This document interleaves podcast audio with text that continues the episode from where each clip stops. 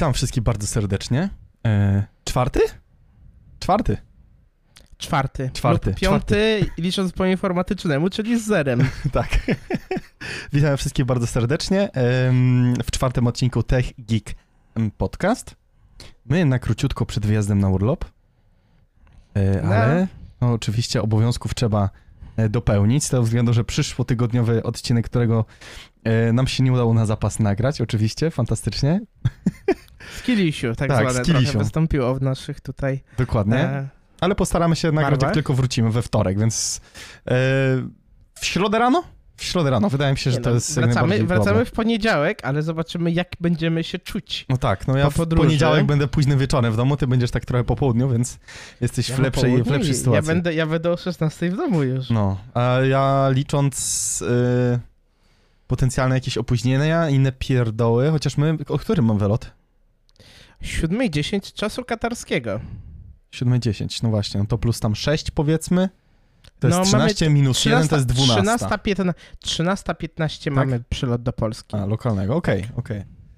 To w zależności jak się pociągi ułożą, bo jeszcze biletów powrotnych z Warszawy, bo z, z No Warszawy nie, nie ma sensu, no to- nie?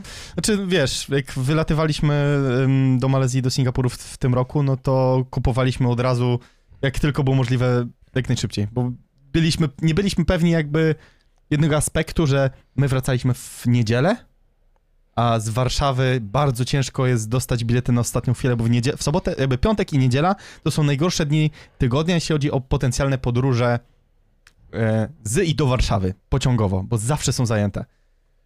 Jak jechaliśmy na przykład na, wa- na wakacje we wtorek, było puściutko w pociągu, ale wracaliśmy w niedzielę, to kompletna odwrotność. Był taki harmider, nie, nie bałagan, że tak powiem, nie, nieporządek, o, może w ten sposób. Nie że- porządek, jakie piękne słowa Tak. dzisiaj używasz. Widać, że urlop ci słyszy. Ja też mam piękny widok na Jestem Kamila, tak- który jestem- siedzi bez oparcia na krześle Tak. i bardzo mnie bawi, oparty o, o komodę. No jestem, no bo zapakowałem dzisiaj z tego względu, że wyjeżdżamy na prawie tydzień, to byłem na tyle sprytny, żeby oddać e, swój fotel na gwarancję. Bo niestety system multitilt w moim fotelu, który już tam prawie, prawie dobija do 3 lat, no niestety e, wyzionął ducha, ale na szczęście gwarancja jest tam chyba 3 albo 4-letnia, jeśli dobrze pamiętam. Nie zrobili jakiegoś problemu, tylko musiałem zdemontować e, siedlisko, z, e, przepraszam, nie siedlisko, a oparcie. Bo siedlisko razem z mechanizmem i z siłownikiem zostało spakowane i jutro rano, jak będę opuszczał, to też kurier ma to przyjechać. może zdradzisz jeszcze, gdzie lecimy No do Kataru lecimy, na, na Formułę 1. na Formułę 1, zobaczyć jak e, Max e, Verstappen, dzisiejszy solenizant, dzisiejszy solenizant chyba, nie? E, W sobotę miał chyba urodzinę? Albo, wiem, że miał niedawno, W weekend, w weekend. W weekend na pewno miał miał imprezę. urodziny. Tak, tak. No, no to e, wszystkiego najlepszego, Max. Wiem, że to słuchasz. A my może przejdziemy do technologii, która dzisiaj jednobranżowa bardzo, Tak. czyli Nvidia Nvidia. based. Nvidia Base, dokładnie. Dwa newsy związane z e, Nvidią.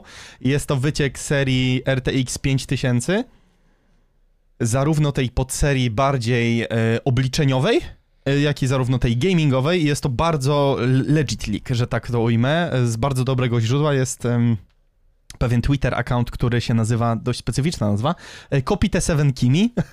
On jest od lat idealnym insiderem, jeśli chodzi o, o wycieki wszelakiej maści mm, produktów NVIDII. Yy, I jest tutaj naprawdę ciekawe podejście, bo jeśli chodzi o gamingowe e, platformy, to przyrost e, tak zwanych SM-ów, e, czyli takich jakby jednostek obliczeniowych, e, wzrósł bardzo radykalnie. E, I to nie dość, że może zwiększyć e, po raz kolejny pobór mocy, co jest raczej e, no, pożądane jednak w obecnych kartach graficznych. E, chociaż mimo tego, że te karty potrafią dużo żreć, to moim zdaniem Nvidia i tak, jeśli ktoś potrafi dobrze sobie undervoltować kartę, no to można zejść dość sporo. Wydaje mi się, że jako użytkownik poborów. nie powinieneś musieć undervoltować swojej karty, by osiągnąć performance. Wiesz co, jestem w stanie się z tym zgodzić, e, no ale wiemy, że jakby technologia w dzisiejszych czasach, ona nie jest noob friendly, zdecydowanie. To jest trochę minus. Idealnym przykładem są w sumie te procki Intela nowe. 13 generacja. I to pokazuje w naprawdę dużym stopniu. Bo kiedy się nic nie zrobi, kiedy operuje się na tych podstawowych ustawieniach, to te procki potrafią żreć po 250 W. y, na pełnym obciążeniu. W normalnej grze, powiedzmy nawet w Cyberpunku, kiedy wyłączam kaganiec, potrafi zeżreć 150-170 W sam procesor. Mimo tego, że przyrosty w y, wydajności są bardzo małe. No, ja w ogóle jestem tego zdania, że nie podoba mi się to, w jakim kierunku idzie ostatnio technologia, e, w szczególności karty graficzne idące w stronę bardziej generowania kla klatek niż e, robienia ich e, samoistnie, jak to było przez większość czasu. Tak więc zbliżamy się do okresu, kiedy powinniśmy coś słyszeć o Nvidiach 4090 Ti. Nie będzie, to już jest potwierdzone. Super. No właśnie, a ich nie będzie, czyli Nvidia wraca do swojego starego cyklu na dwuletniego. E, tak jak to było przy premierach większości e, kart graficznych do któregoś momentu, to zwykle wychodziły karty graficzne serii jakiejś tam i rok potem wychodziła seria TI Super najmocniejszej albo TI. karty. Tak, tak. E, no głównie to było TI do którego Super było Potem, chyba tylko koniec 2000, super, jeśli dobrze pamiętam. Super tylko było z wersją 2000, no bo tamte karty były po prostu za słabe na to, co one oferowały. I Nvidia trochę się zakopała mhm. z tymi kartami, bo one nie, nie dawał wystarczającego przyrostu mocy e, co do serii 1000, która wtedy była, bo 1080 Ti to z tego co wiem, to ludzie nadal mają w kompach i chwalą, że to jest najlepsza karta, jaką mieli i nie czują potrzeby zmian. A na to no... No jeśli, wydaje mi się, że jeśli ktoś chce grać w 2K, to może być problem. Jakby do Full HD, jeszcze moim zdaniem ta karta mogłaby dawać radę potencjalnie. Zależy kto, wiesz, my tutaj, tutaj ty Target. mówisz jako osoba, tutaj mówisz jako osoba, która nie tylko chce grać w gry, ale też Pracuje. chce je no tak. poznać. Nie, poznać. Ty chcesz przekonać się o tym, jak ta gra była stworzona, czyli wiesz, odpalasz path tracing nawet w Cyberpunku, no, nie? O tym, o tym pogadamy później, bo, tak, ale, ale, muszę powiedzieć, jakby... całe widmo wolności zagrałem z path tracingiem i ale potem, potem, bo znów się rozdzielmy. Tak, w ostatnim tak, odcinku bardzo mocno podzieliliśmy jakby kategoriami, a chcemy wrócić do tego, żeby to były trzy osobne pakiety, także kontynuuj. Tak, I, więc jakby bardziej mi chodzi o to, że wiesz, że to właśnie zależy dla kogo jest ta technologia. Niektórzy ludzie chcą po prostu grać w gry. Tak. Nie obchodzi ich, czy to jest na niskich detalach, nie mhm. obchodzi ich, czy to jest na wysokich, na ultra, mega ultra.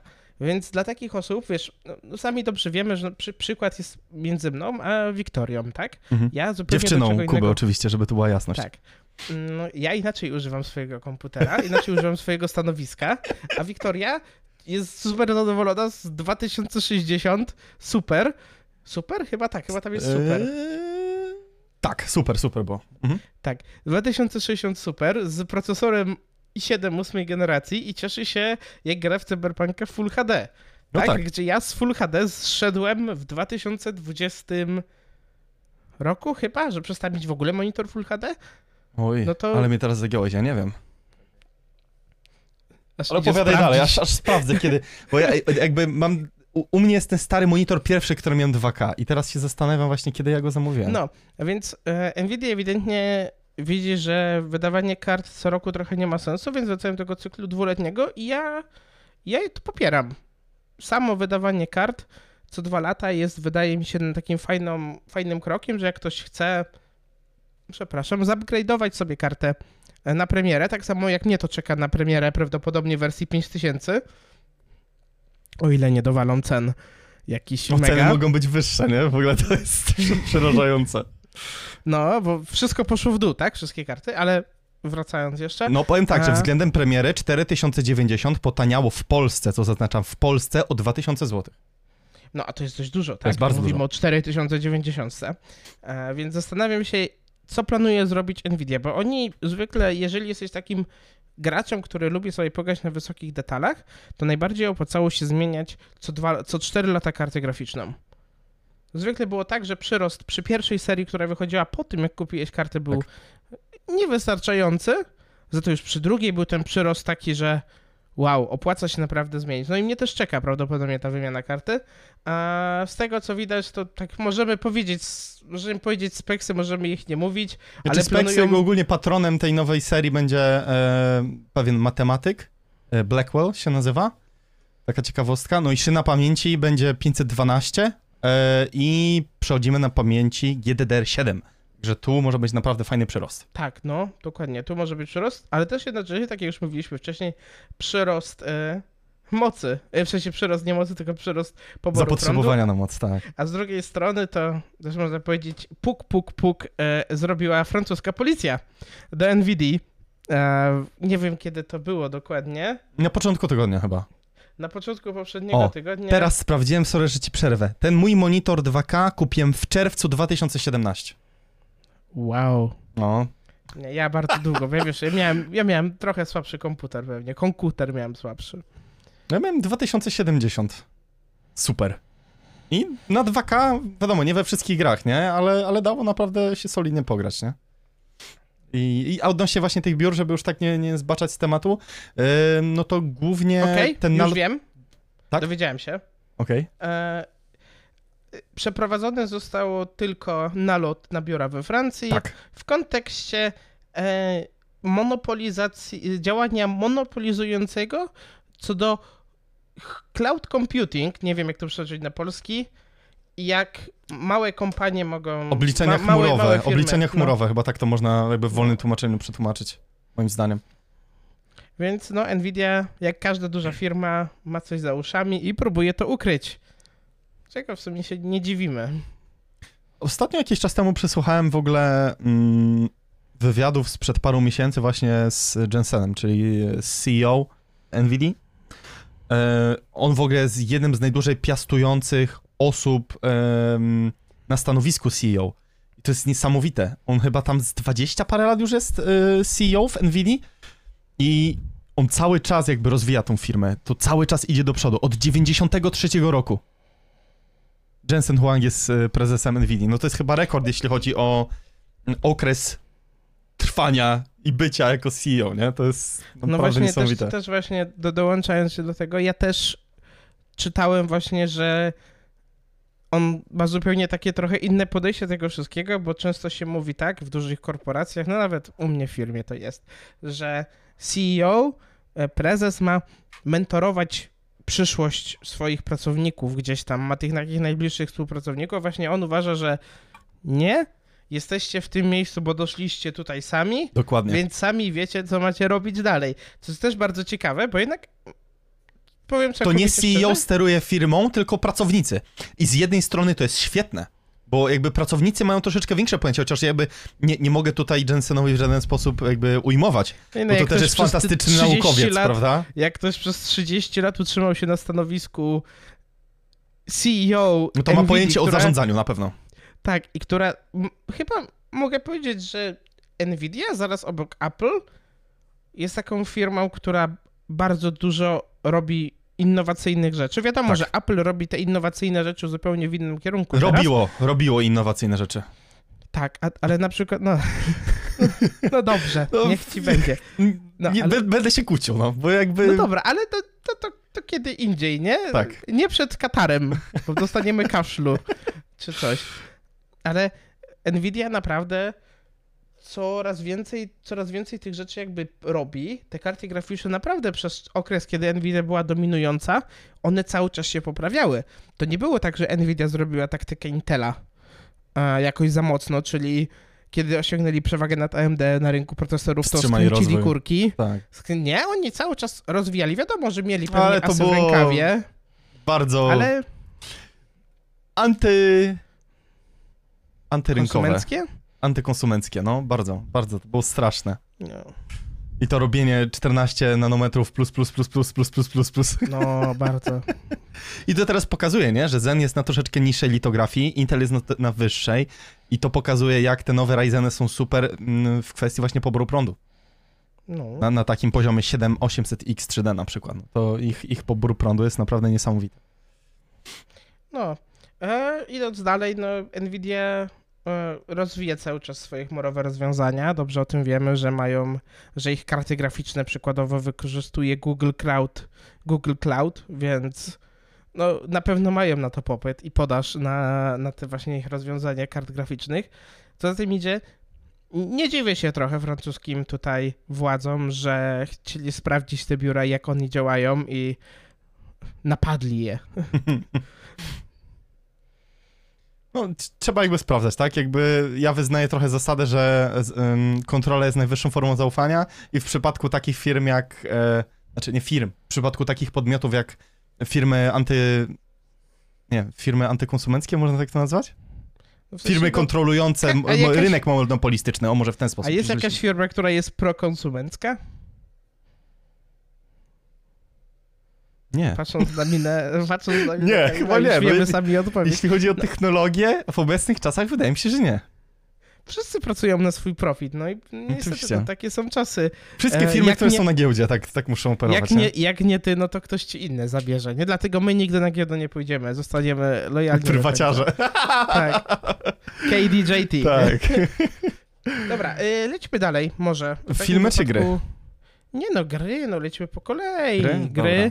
Gry. E, wiadomo, że trochę ostatnio odeszliśmy od koncepcji e, win tygodnia i lose tygodnia, bo dzieje się tyle, że w sumie sami nie wiemy, w co w ręce włożyć. Jak tak, zawsze... I w sumie nie wiemy, jak przypisywać poszczególne tematy do, do poszczególnych tak, na kategorii. Pewno, na pewno cały czas mamy ten pomysł gdzieś tam z tyłu głowy. E, jednak ostatnio, jak to oczywiście można powiedzieć, jesień znowu zaskoczyła polskich graczy, czyli znowu milion gier do zagrania, milion gier jeszcze wychodzi, a jeszcze przy okazji jest FIFA i Pro Cluby. I Counter-Strike gdzieś tam po drodze, w którego jeszcze nie zagraliśmy po wyjściu. Tak, w sensie no. ja jeszcze... może jeden mecz zagrałem, a w becie ja, przecież ja, to już chyba po, po tym czasie to mieliśmy chyba, nie wiem, z kilkanaście meczy wygranych, jak nie więcej, tak, nie? Nie, nie, nie, ale, ale no, dobra, no to na, o, o CS-ie chwilę pogadamy. Tak, tak. CS-ie chwilę pogadamy, bo CSGO się zamknął ostatnim wielkim turniejem. E, zacznijmy od tego, od czego, zaczęli, od czego mówiliśmy trochę wcześniej, czyli przy jednej firmie, przy NVIDIA powiedziałem Apple, i remake Resident Evil na iPhone 4 będzie kosztował 60 dolarów. No to jest przesada moim zdaniem, trochę. A dziwicie to? Naprawdę, pytam Nie cię no, szczerze. Jakby Czy ciebie to dziwi? remakeowanie takich gier na telefon e, mija się trochę z celem jak dla mnie, bo granie na takim urządzeniu jest po prostu niewygodne. Nawet jeśli to będzie siedmiocalowy ekran, to i tak to nie jest wygodne. Jakby operowanie i sterowanie w grze na dotyku jest naprawdę niewygodne. Ja próbowałem swojego czasu grać w Code Mobile na telefonie i po prostu kupiłem sobie uchwyt do pada i gram na grałem tam powiedzmy to już nie, w Code Mobile nie odpalałem wieki, ale jeśli już się miałem zdecydować na granie w Code Mobile, to po prostu podpinałem pada po bluetoothie i gram na padzie. I, na uchwycie na telefonie i to było bardzo wygodne. Mm, no ale trochę przyciężkawe, nie? Wiadomo, jakby zawsze lepszą alternatywą będzie e, Steam Deck. Który ma Steam Decka. No, Ta, ale, ale jeszcze wtedy Steam Decka nie miałem, jak grałem w Code Mobile. Jakby mówię ale o tym, co było wcześniej. Steam Deck jest ciężki. Nadal. No jest ciężki, ale jest bardziej ergonomiczny w użyciu niż telefon. No, ale, ale okej, okay, ale ty mówisz o tym, że wiadomo, od telefonu się zgodzę, ale czy od rozwiązania pad połączony jakąś klamką z telefonem będzie Wydaje mi się, że poziom ergonomii będzie bardzo podobny. Środek ciężkości może być niekoniecznie podobny, ale są te rozwiązania, e, może wiesz o czym mówię, że wkładasz telefon Ej, dwa joysticki Switcha. wpinasz w telefon, tak, tak, masz jakby joycony tak. wpięte. No, no, to jest chyba nawet od, no, od Razera rozwiązanie, jeśli dobrze Razer, pamiętam. Razer, Razer tak, coś tak. takiego na pewno robi. Chciałem to kupić przez chwilę, ale Steam tak wyszedł, więc ups. Nie no zarobili sobie na mnie. Jakby kontynuując temat tego, że to będzie kosztować 60 dolarów, eee, dużo. Trochę dużo. Ale Wiadomo, że remake nie, to... R4 to, to jest w miarę dość nowy tytuł, więc jest to jakaś argumentacja za tym, ale dwa, mm, bo nie mówiliśmy, bo bardzo po, po strzępkach mówiliśmy w ostatnim odcinku e, i też tego nie dopisaliśmy w ogóle do rozpiski technologicznej. Wydaje mi się, że tu można e, zaznaczyć. AI, które generuje timestampy, to jest ten moment. e, iPhone 15 Pro i iPhone 15 Pro Max to jest chyba, mówię teraz o smartfonach, nie o wszystkich komputerach, Macintoshach itp. itd. iPhone 15 Pro i iPhone 15 Pro Max to jest produkt, który nie powinien wyjść teraz. W sensie, to jest najbardziej niedopracowany produkt Apple w historii. Mówię teraz o kwestii telefonów. Bo nie znam ich no całej właśnie, historii już, laptopów, już chciałem, komputerów. Już chciałem ci pocisnąć, ponieważ jedną z moich najbardziej ulubionych książek jest właśnie książka Steve'a Jobsa. Nie czytałem, to jest na mojej właśnie whiteliście do Bardzo dobra książka. Mm, tutaj zamienię się z tobą. Yy, tak, no te telefony się i przegrzewają, i są problemy z baterią. Hashtag no pozdrawiamy 20... nie antyfana. 4 godziny screen on time na telefonie za 7000 zł, czy tam 5 z kawałkiem. No w sensie... Ta? To, no... E, Pozdrawiam cię, S22 Ultra User. Nie lubimy Exynosa, tak, to prawda. W sensie byłem userem S22 Ultra i cieszę się, że już nie jestem. Bo 4 godziny screen on time'u to jest naprawdę nieporozumienie. Na, a na Apple'u, Apple jest naprawdę na tyle zamkniętym środowiskiem, na tyle um, urządzeniem jakby projektowanym jednokierunkowo. Nie jest tak jak Android, że Android musi myśleć o setkach następnych modeli, które powstaną, jakby patrzeć in general trochę na, na, na taką dużą ilość urządzeń. No, no dla mnie jestem bardzo negatywnie zaskoczony, e, bo liczyłem, że będzie to telefon, może nie będzie rewolucją, bo ciężko co roku wydawać telefon i wprowadzać coś nowego, tak, że zrewolucjonizuje rynek. Już nie są te czasy, niestety. Tęsknię za tymi czasami, kiedy co roku hypowaliśmy się na nowe wyjście modeli telefonów, bo zawsze było coś nowego. Tu jakiś aparat, tu jakiś bajer, jakiś software, co, cokolwiek. A tutaj jakby co roku jest nuda. Ale nie wracamy do tematu konferencji, bo mówiliśmy o tym yy, dwa odcinki temu, jeśli dobrze pamiętam. Um, no jeszcze dodam może chwilę, -hmm. nie? Że a propos tego, co mówisz o tym, że te telefony są wydawane co roku. Kurczę, trochę mnie to martwi, bo ja pamiętam właśnie te czasy... A... Ale najgorsze jest to, że ludzie to kupią. To jest tak jak z Call of Duty co roku. Jakby... Ej, FIFA może jeszcze. I z FIFA też, no ale jakby to jest ten sam case. Tylko my przekładamy case technologiczny na case e, growy. Call of Duty, no właśnie, FIFA to jest ten sam case, co iPhony nowe, co nowe trochę, Samsungi. A, to jest to samo. A to nie jest trochę, a to nie jest trochę takie coś, że my się, żyjemy trochę w takiej bańce ludzi, e, na przykład, nie wiem, takich jak Linus Tech Tips, MKBHD, którzy nie. Nie, wymieniają te telefony co chwilę. Ja naprawdę rzadko znam osobę, jesteś jedyną osobą z Ale my jesteśmy w Polsce. Jakby ja patrzę na to globalnie, Kuba. Bo jak patrzymy na Polskę, jasne, ja widzę osoby, które mają 5-6-letnie telefony. Super, jeśli telefon im działa, nie laguje, bateria trzyma spoko. Jakby nie mam tu żadnych yy, obiekcji wobec tego. Yy, ale Polska jest na tyle małym rynkiem zbytu, że takie wypadki są bardzo, bardzo rzadkie. Yy, ale na przykład Kuba Klawiter yy, wrzucił materiał z opinią o iPhone 15, ale chyba zwykłym. Yy, o jakimś iPhone 15. Jakby model nie jest istotny. I on opowiedział historię, jaką stał właśnie, bo akurat był w Stanach, nie wiem, na jakimś evencie czy coś, i, i kupował tego iPhone'a. I stał w kolejce z gościem, który miał iPhone'a 14 Pro Max, i stał obok niego w kolejce i chciał kupić iPhone'a 15 Pro Max.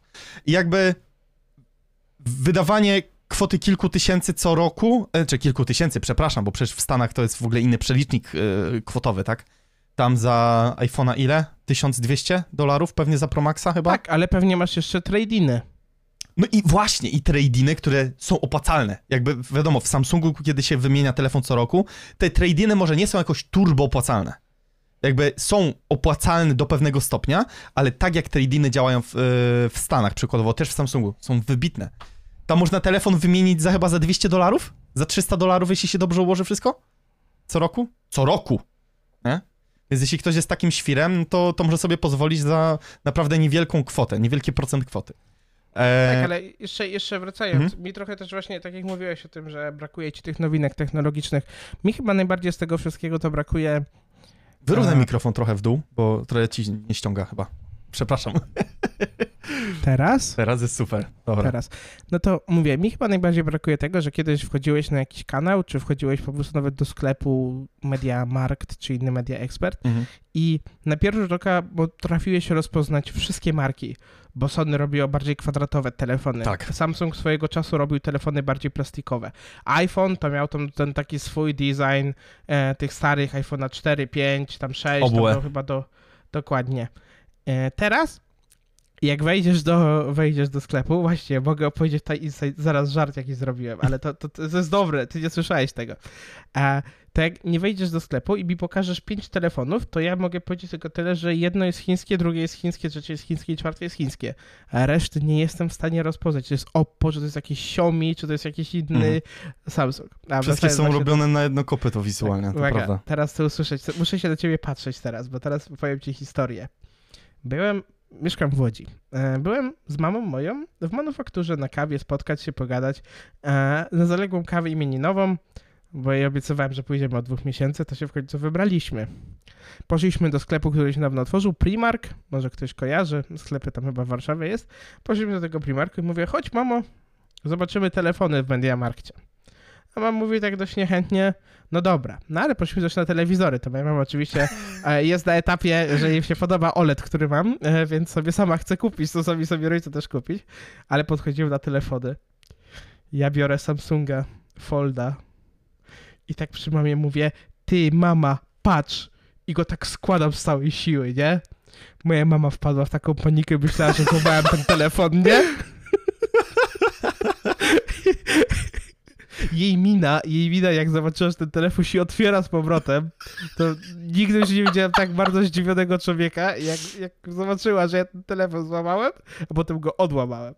No, ale taki mały przerywnik na, na, na śmiechostki.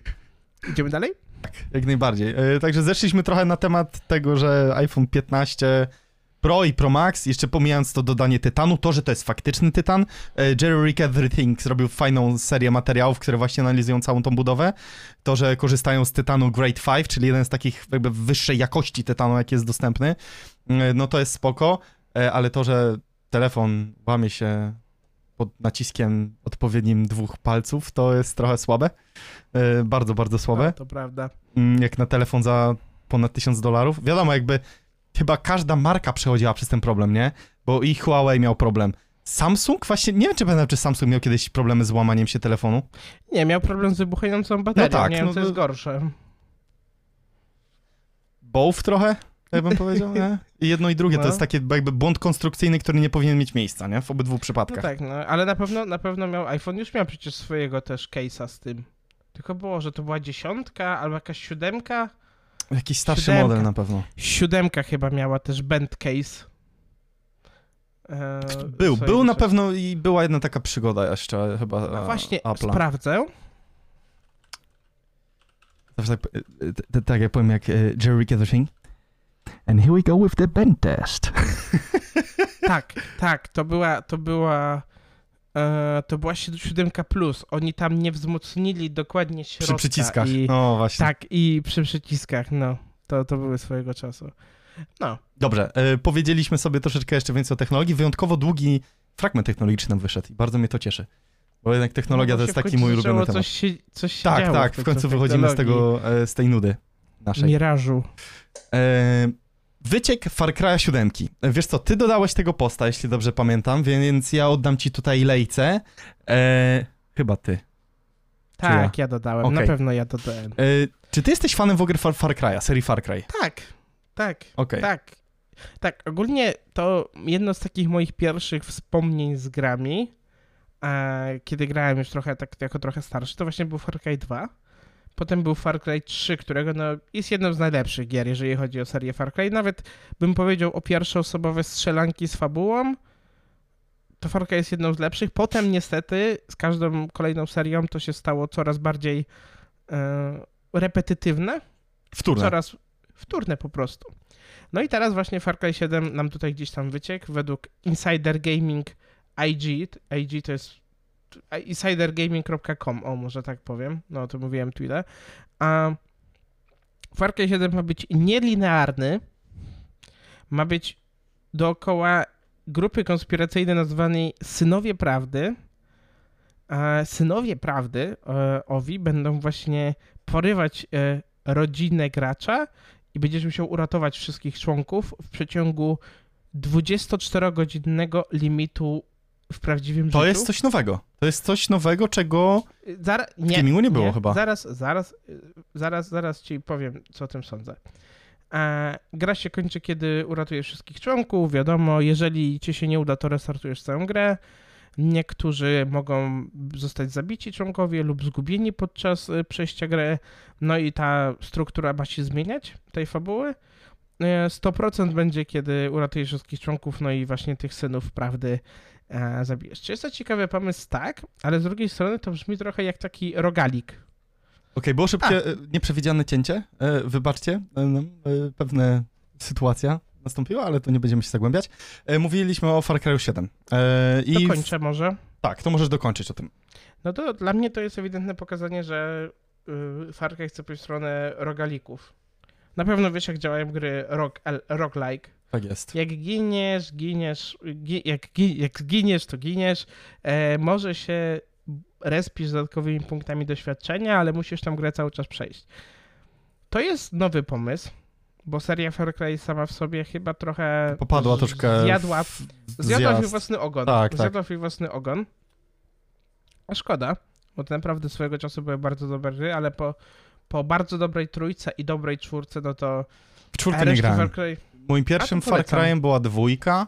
Uwielbiam ten klimat y, Afryki, no, tej... malarii, ten efekt, że trzeba było y, no tak, tak tą chorobę mniej więcej no. uspokajać, no. tak? Ym, wciągać tą chininę dożylnie.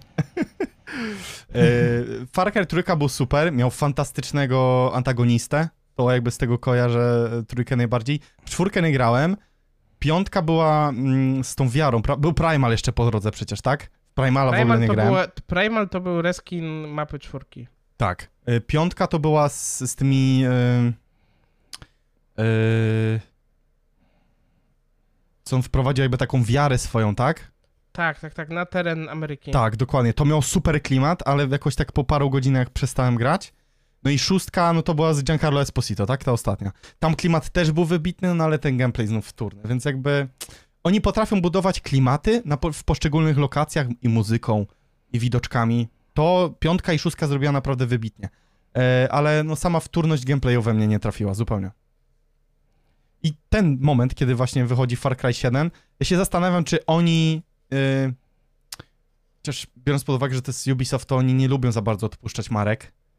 E, ale może te siódemki się po prostu pozbędą. Albo zrobią reboota. Reboot byłby chyba najbardziej sensowny e, biorąc pod uwagę, co chcą wprowadzić w tej grze. E, bo sam fakt właśnie, tak jak wspomniałeś, tego efektu roguelike, um, może być fajnym rozwiązaniem. To, że jest ten time limit w ogóle narzucony przez grę, to jest coś, czego nie widzieliśmy wcześniej, wydaje mi się. Nie było jakby takiej gry, która narzucałaby z góry. Masz tyle Dead czasu. Rising? Jeden? Oj, Zagiąłeś mnie. Ja nie pamiętam, czy ja grałem w ogóle w Dead Rising 1. Ja nie grałem w Dead Rising 1, ale Dead Rising 1 miał podobny koncept, tak? Nawet tutaj sobie wygooglem na szybko. Mhm. E... To, to nie, ja nie potwierdzę, bo nie grałem chyba w Dead Rising. Jeśli to jest ta gra, o której myślę. E, gra opowiada o przygodach Franka Westa, fotogra fotografa pracującego w branży dziennikarskiej.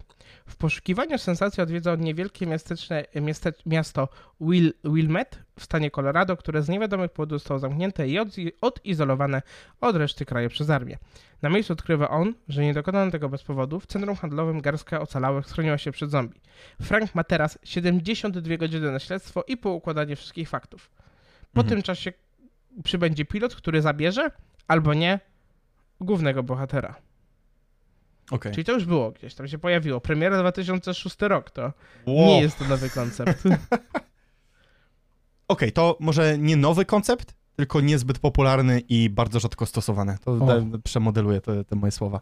Bo mówię, w Dead Rising 2006 rok to jeszcze na chleb mówiłem pep, no. I chyba nawet w Koda 4 no jeszcze nie... No właśnie, bo Kod 4 był 4 wyszedł 2007, no więc ciężko, żebyś więc grał dla mnie, dla mnie, dla mnie startem takim shooterowym to był Kod 4 zdecydowanie, więc i takie gry powiedzmy, nie wiem, no, plus 16, plus 18, nie? TPP to był bardziej. No, no tak, no ja jestem ciekaw, co wymyślą. Zobaczymy jakiegoś, zobaczymy, czy spodziewamy się jakiegoś ogłoszenia pewnie po Assassin's Creed Mirage której coraz więcej dochodzi informacji, że może nie być tak dobrą grą, jak e, ludzie myśleli na początku. Już kolejne tam gdzieś się mi przebiły informacje, że to może być no taki Assassin's Creed wersja DLC do Valhalla. Tak. A my przejdźmy dalej. Do A w Valhalla sobie, Valhalla mówię, w Mirage y, sobie zagramy chyba, co? Na pewno. Pogadamy sobie tak, jak dzisiaj mamy plan pogadać o Cyberpunku. Ja się trochę martwię, no tak. bo przebijamy pół godziny, a nawet do połowy nie doszliśmy. Nie no, doszliśmy już ponad połowę. Tak? W sensie, okay, no dobra, no w sensie... Ale są spokojnie. bardzo obszerne tematy, które nas czekają i to mnie martwi. No jest jeden najbardziej obszerny temat chyba, nie? A twoja kolej chyba na zapowiadanie tak. teraz, bo to y, jest twój konik. Tak, to jest mój konik, to jest y, moja gra miesiąca zaraz obok Spidermana. Nawet bardziej czekam na Lana Wake'a 2 niż na, na Spidermana, jak mam szczery. Um, z tego względu, że lubię gry Remedy, uwielbiam Alana Wake'a, uwielbiam Controla, lubię Maxy Payne pierwsze i drugie, bo wiadomo, trójka była robiona przez Rockstara, więc troszeczkę innym stylu. Chociaż ostatnią grę Maxa Payne na trójkę i naprawdę nadrobiłem, bo kiedyś próbowałem grać, pograłem godzinę, przestałem, znów przez parę lat nie dotykałem, znów godzinę pograłem, przestałem, a teraz tak przysiadłem, w dwa wieczory przeszedłem i naprawdę Rockstar zrobił świetną robotę z Maxem Payne'em trójką. Eee, to był naprawdę kawał dobrego tytułu liniowego, z fajną jakby taką płaszczyzną psychodeli trochę Maxa Payne'a, więc ci, którzy nie ogrywali Maxa Payne'a trójki, proszę yy, może nie zatrzymać podcast, tylko posłuchać podcast do końca, ale jak skończycie oglądać podcast, to zagracie w Maxa Payne'a trójkę. Yy, dobra, wracamy do tematu Alana Wake'a dwójki. Yy, Alan Wake dwójeczka były pierwsze wrażenia, pierwsze handzony, że tak powiem. Yy, oglądałem materiał Skillapa, prawie 20-minutowy. Swoją drogą, jeśli operujecie językiem angielskim, to, to polecam serdecznie kanał Skillapa. Robi fantastyczną robotę, jeśli chodzi o recenzowanie wszelakich gier, opiniowanie na temat game devu e, jakby rynku growego. Robi fantastyczny content. E, zrobię też swoją własną recenzję Cyberpunka 2.0 i, i Widma Wolności. I w większości z jego statementami się zgadzam, ale o tym później. A co dalej na Wake'a 2? E, to może być pierwsza next-genowa gra, moim zdaniem. Bo to, jak graficznie wygląda...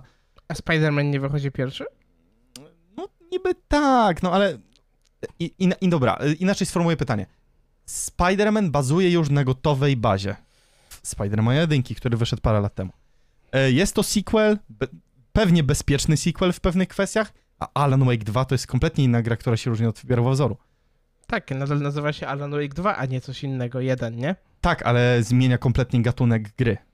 A Spider-Man tego nie robi. Chodzi o podejście, jakby de developmentowo oni robią kompletnie inną grę, która jest po drugiej stronie e, widoku względem jedynki, bo jedynka była takim, powiedzmy, nie wiem, e, running thrillerem trochę, tak? A tutaj przechodzimy no, w bardziej nie? Droczę Wiem, się z tobą. Mnie lubisz irytować. No. E... Po coś żyje, nie? E... Alan Wake 2 jest pierwszą next-genową grą, która nie jest sequelem. W pełnym tego słowa znaczeniu, bo Alan Wake 2 niby jest sequelem, bo ma tą dwójkę w tytule. Ale to jest naprawdę bardzo mocne mam oczekiwania wobec tego tytułu i same dobre opinie są. Czy to Skillapa, czy innych poszczególnych y, postaci.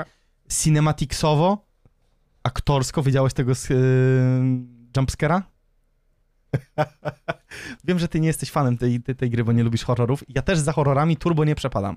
Ale dla Alana Wake'a chyba to zrobię. I to, że są mm, dwie postacie równoległe, którymi y, będzie można tą grę przechodzić. I to będzie, będzie gra tak, poczekaj, jeszcze tylko skończę. Dużo ludzi pod y, materiałami właśnie z tych handzonów mówi, przecież to będzie gra na 5-6 godzin, to wygląda tak niesamowicie, robi takie wrażenie graficznie, z taką pieczołowitością jest to robione, przecież to będzie 5-6 godzin góra a okazuje się, że to będzie gra na 20 plus godzin, plus jeszcze będzie to najdłuższy tytuł Remedy w ogóle w historii. Więc bardzo mnie to mm, na sercu e, ciepło się robiło. a będzie na Game Passie? E, nie, bo oni mają współpracę z Epiciem. Gra wychodzi na Epiku tylko, niestety.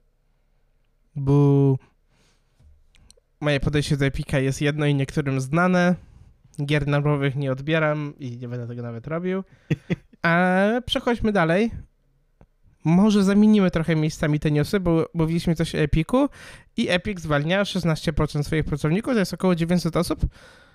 E, kurczę, nie wiem co o tym sądzić, poza tym, że e, no ogólnie w branży IT są zwolnienia. I jakby to nie jest nic To są chyba takie konsekwencje trochę chyba popandemiczne, z takim opóźnionym no. zapłonem moim zdaniem. Tak, um, tak, tak, zgadzam się. 16% pracowników, 900 osób to jest naprawdę spora ilość, e, ale patrząc z takiej bardziej perspektywy biznesowej, mm, opłaca się Epicowi zwolnić 900 osób, niż zostawić 300, a zatrudnić nowe 300, nie? Jakby pod tym takim kątem, żeby y, jakby ciężej jest utrzymać pracownika zadowolonego, niż wziąć po prostu nowego, nie? Więc jakby pod tym kątem, że okej. Okay, nie zgodzę się. Nie zgodzisz się? Dlaczego się nie zgodzisz? Nie, nie zgodzę się. Zależy, w sensie... Wiadomo, to już sobie ustaliliśmy na początku tego podcastu, że firmom zależy na zysku. W szczególności tym firmom, które są na giełdzie lub mają e, jakichś tam stakeholderów. I teraz tak, w, jak zmieniasz pracę, przykładowo, byś poszedł z KD Solutions do e, czegoś innego, to pierwsze X czasu poświęciłbyś na wdrożenie się, czy to w dokumentację mm. projektu, Czy to na poznanie pracowni pracowników, y, ludzi, z którymi będziesz pracował, poznanie tego, jak się pracuje, kultury pracy, poznanie, jak do kogo się o co zgłosić. Mhm. I to jest trochę tak, że firmy sobie strzelają w kolano, że nie płacą wystarczająco dobrze niektórym osobom, bo te osoby odchodzą, one po sobie zostawiają jakiś tam, nie wiem, no to co się na przykład stało w Cyberpunku, nie? W ogólnie silnikiem Red, e, o którym zaraz nas czeka temat. No stało się to, stało się to dlatego, że ci, star, ci starsi pracownicy podchodzili, nie było dobrze napisanej dokumentacji, branie stażystów e, nie zawsze popłaca, jak to mówił, miejmy nadzieję, że a, wyjdzie z tego pan e, Filipiak, który teraz jest w szpitalu Prezes ho, ko, ho, Komarchu, jakby, żeby tak, tutaj ludzie wiedzieli. Komarchu jest ten. Jak to mówi właśnie zawsze, że, studen- że pracownika da się zastąpić skończoną ilością studentów, no to nie zawsze to działa i w przypadku właśnie takich korporacji jak e, Epic może to nie zadziałać. Chociaż, chociaż z drugiej strony mówimy tutaj też o tym, że może są to przygotowania pod e, współpracę z CD Projekt Red Wiadomo, kogo zwolnili? Eee, wiesz co? Hmm. Kogo zwolnili, to nie. Eee, o ile mi wiadomo, to zwolnili, bo Epic wykupił przecież firmę, e, która napisała. Jezu, jak z tymi skaka... E, co były te mapki takie, co ludzie skakali, jak to się nazywa? Fall Guys? Fall Guys, dokładnie. No tak. Ta firma, która no. napisała Fall Games yy, i została wciągnięta do Epika, no to oni zostali tam w ogóle rozbita cała ta grupa, która tego Fall Guysa zrobiła. Więc to jest to, co ja jakby jedyne, co się dowiedziałem na necie. Yy, jakby takie informacje są bardzo mocno ograniczone. Yy, ale co jeszcze do tego dochodzi? No jeszcze jest kwestia przykładowo Embracera, nie? Yy, gdzie Embracer też praktycznie yy, rozbił studio Volition, które robiło Saints Row'a um, Niantica, które robiło Pokémon Go, tak? Więc to są takie dość spore studia, które przynosiły dość spore kwoty pieniędzy, jednak nie ukrywajmy. Mm, no ale jak powiedziałeś na samym początku, to jest pewna konsekwencja popandemiczna, e, z takim dużym zapłonem jednak. Hmm. No zobaczymy, nie? W sensie Zobaczymy, jak to będzie. Czy to jest taki moment, że większość innych firm też będzie odchodzić właśnie, będzie zwalniać pracowników? Ale właśnie, y, pomy, y, popraw mnie, jeśli się nie mylę, czy Epic jest prywatną spółką? Wydaje mi się, że jest prywatną spółką, że oni nie są na giełdzie. Mm. Tam Tencent wrzucił hajs jakiś czas temu, to pamiętam. Na pewno, na pewno nie mieli pakietu. Nie, nie mieli pakietu większościowego, y, ale wydaje mi się, że to nie jest firma, która jest spółką giełdową. Jest coś takiego jak Epic Corp, z tego co widzę, ale nie wiem, czy to jest to samo. Nie, nie, nie, Epic Games, Epic Games. Wartość giełdowa Epic Game wynosi... Jest na giełdzie. Epic Games jest na giełdzie. Okej. Okay. E, no. Więc jakby pod tym kątem firmowym, no to...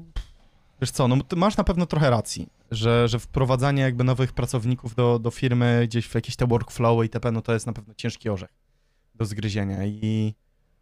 No ale pytanie jest takie, ile oni osób zatrudnili, ile tych osób faktycznie było jakoś tam aktywnie wykorzystywanych, tak? No bo Fortnite no już nie jest tym takim, powiedzmy, nie wiem...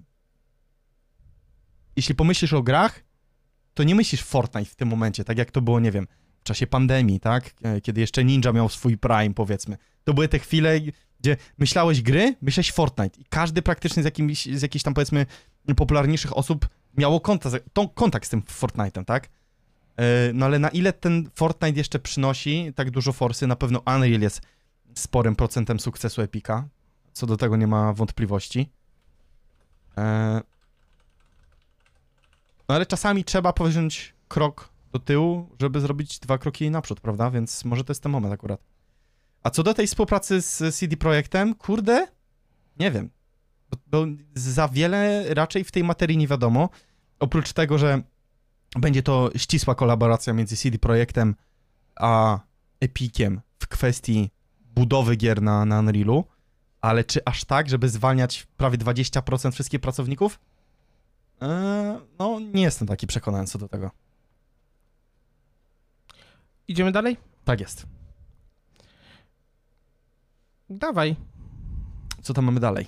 E, Jim no, Ryan no, Jim Ryan. z Sony PlayStation z początkiem marca 2024.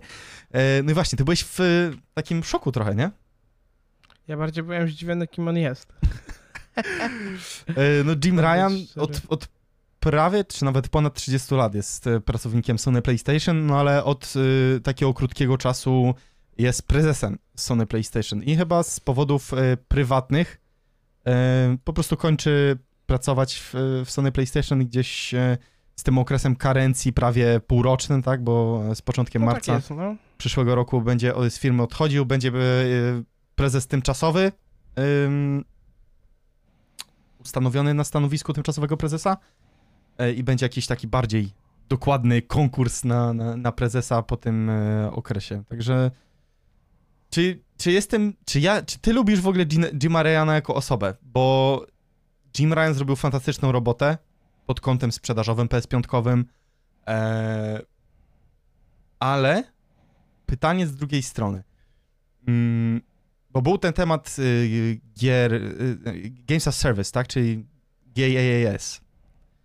Czy ty lubisz to rozwiązanie? Bo Jim Ryan był takim trochę promotorem y, tej polityki game devowej, żeby sprzedawać gry jako serwisy które przynoszą długoterminowo spore korzyści finansowe.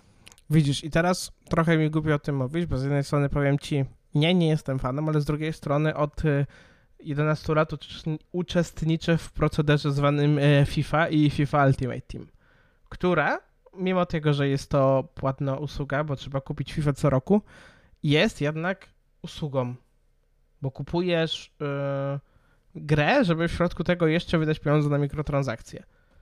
Więc nie jestem fanem, ale z drugiej strony nie wiem, czy jakakolwiek taka gra mnie kiedyś wciągnęła, taka prawdziwa, bo FIFA jest taka, takim bardzo naciąganym. Yy, przepraszam, e, FIFA jest takim bardziej naciąganym yy, przykładem, ale żadna z gier w stylu. Chyba Destiny jest taką grą, prawda? Jest, jest. No to tak, to Destiny. Oj, Destiny przecież miał premierę chyba na PS4. 2016?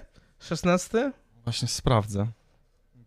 No ale to jakby naprawdę sporo lat już grywam w to Destiny, nie? I w Destiny ja 1 przykład... grałem na PS4, pamiętam. Ja nigdy nie zagrałem Destiny 2 to jest 2017 e, rok.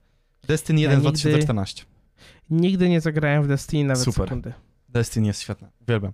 Co prawda jakby spory zjazd zaliczyło Bangi z projektowaniem DLC-ków, E, z pewnymi decyzjami deweloperskimi, jakby rozwoju, usuwania kontentu.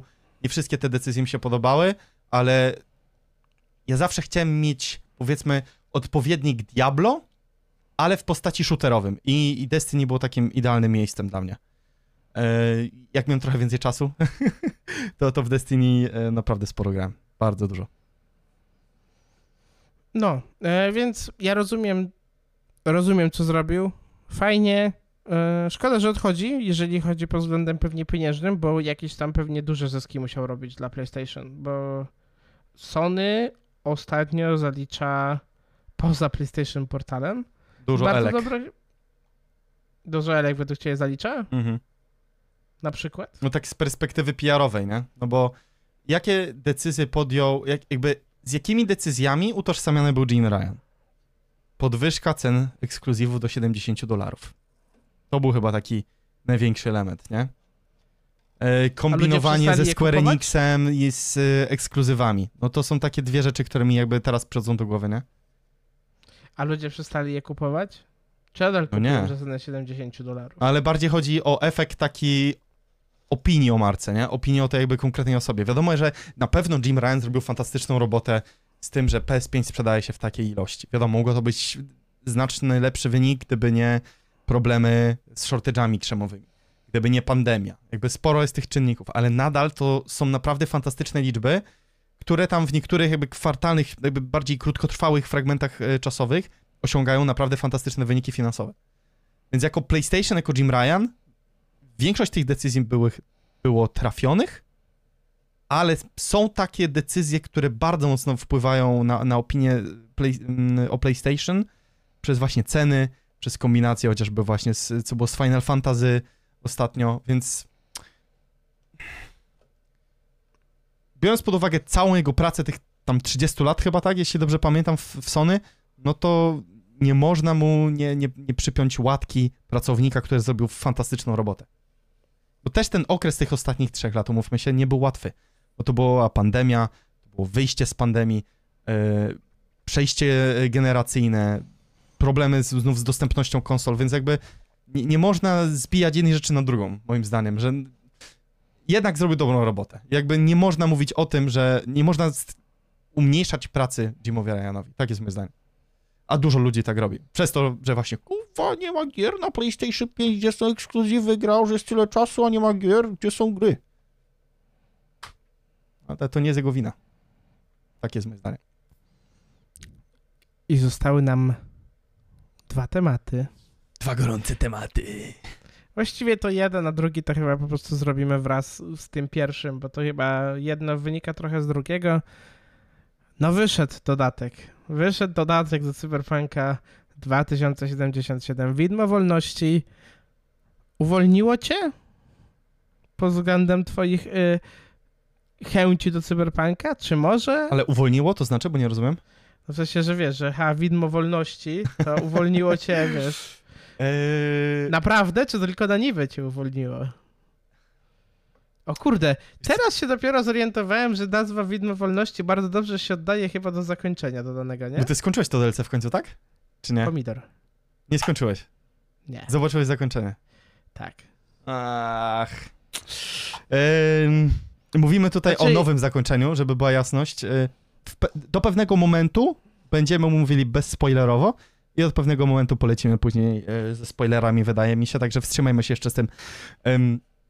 Zadam ci kilka pytań yy, i później się będziemy wymieniać opiniami.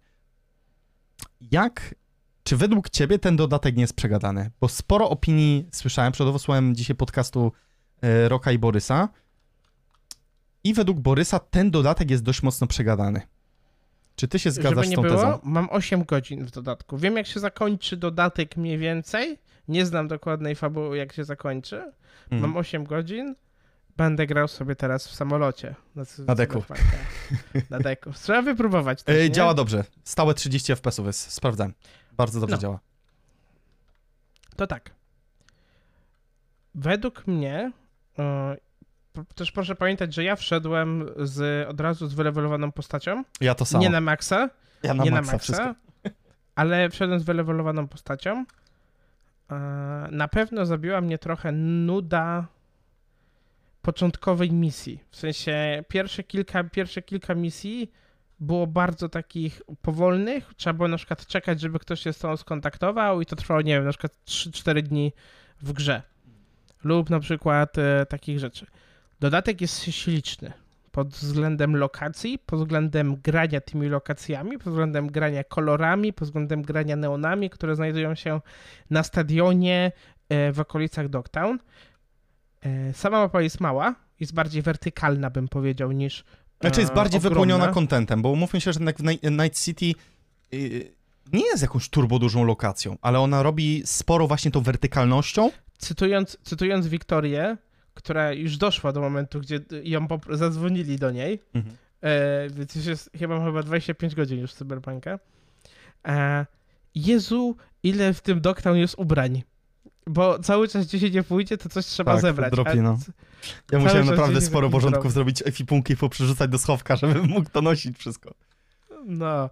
Jakby lokacja e... Dogtown jest piękna. Jakby co do tego nie ma żadnych wątpliwości. Jest skromna, jest mała, ale jest bogata, bo bardzo mało sytu... Y, bardzo mało miałem takiej sytuacji, gdzie mm, dochodziłem do jakiejś lokacji, gdzie były zamknięte drzwi, do których nie miałem dostępu.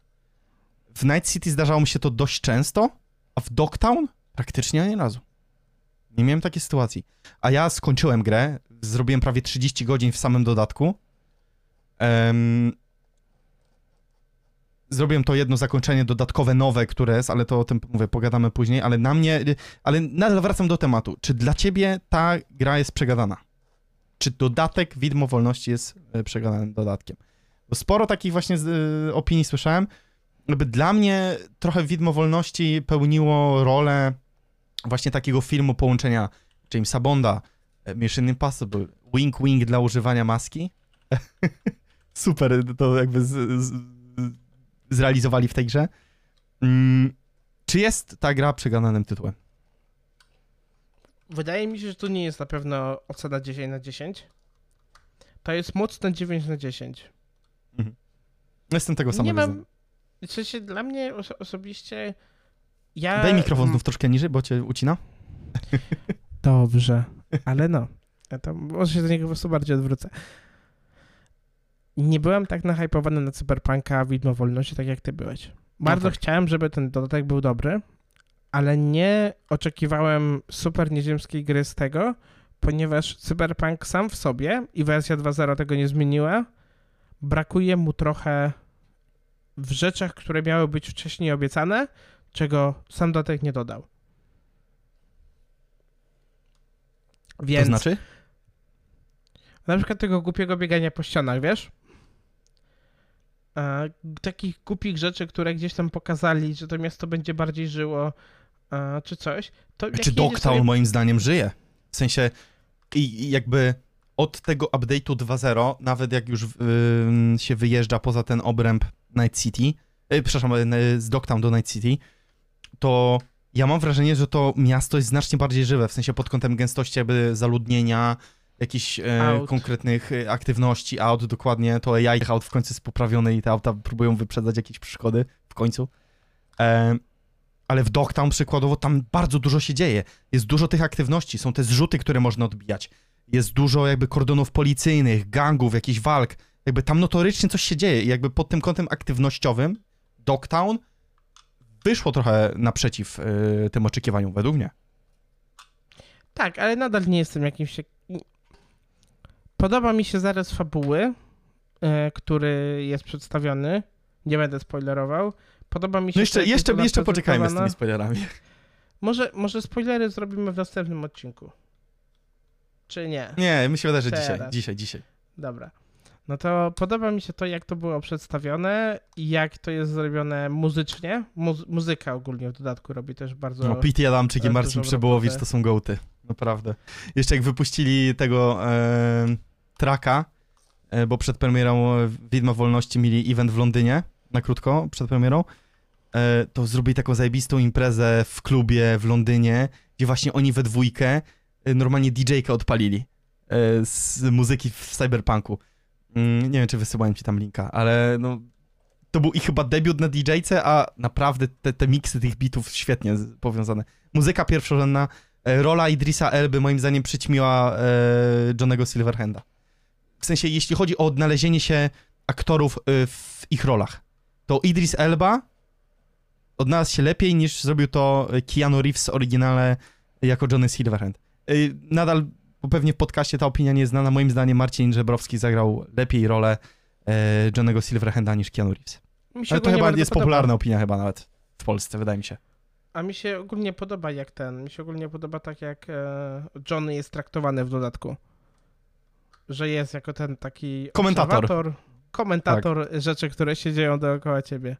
I to, że dość sporo tych rozmów jest, tak, po tych konkretnych wydarzeniach, które się dzieją, to, to Johnny bardzo aktywnie jakby, jest aktywnym tym komentatorem właśnie, takim obserwatorem, więc jakby to jest bardzo fajny element. Y, muzyka top, Dogtown superancko. Y, krótko. Sam krótki wątek, ty wspomniałeś o tym aspekcie, że sporo się czeka na pewne wydarzenia. Y, gra czasami czeka, każe czekać parę dni growych, tam czasami jeden, czasami dwa, czasami dłużej, na telefony od bohaterów, aby tą historię popchnąć nieco do przodu. E, to jest duży minus.